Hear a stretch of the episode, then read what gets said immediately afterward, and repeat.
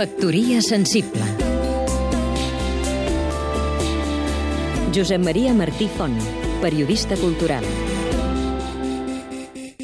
Recordo molt bé quan vaig conèixer en Jaume Xifra a casa seva a París, a l'impàs de Bourdonnais, un petit carrer a vora el forat de Les Halles, quan el vell mercat central de Parisenc ja havia estat enderrocat però encara no s'havia aixecat el gran centre comercial que ara l'omple. Encara vivia en Franco. Xifra era un dels anomenats catalans de París, un nom que va fabricar en Cirici Pellicer per un grup d'artistes molt especial, que fugien tant del franquisme com del cànon artístic d'aquell moment a Catalunya. L'informalisme controlat amb mà de ferro per en Tàpies. A qui no li agradaven massa els joves que anaven en una altra direcció, i ho feia saber.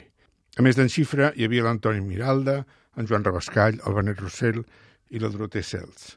Eren grans heterodoxes i els seus treballs fugien del model tradicional del mercat de l'art. Moltes peces eren crítiques a l'incipient societat de consum que encara tindria que créixer molt més. Treballaven en accions col·lectives com els famosos ceremonials, un d'ells, el més famós de tots poder, el del Congrés de Disseny d'Ibissa del 72. Un dels crítics més importants d'aquell París post-68è, Pierre Restany, el teòric del nouveau realisme francès, els va recolzar fent enlairar la seva carrera. La d'Enxifra va estar plena de canvis i experiment. Va desenvolupar un sistema de computer painting al final per fer retrats, un projecte exhibit a l'Art Santa Mònica el 2002. Darrerament se'l veia sovint per Barcelona. No va voler que ningú sapigués que estava malalt. Fa uns dies vaig rebre una trucada de Miralda dient-me en xifra ens ha deixat. El trobarem a faltar. Factoria sensible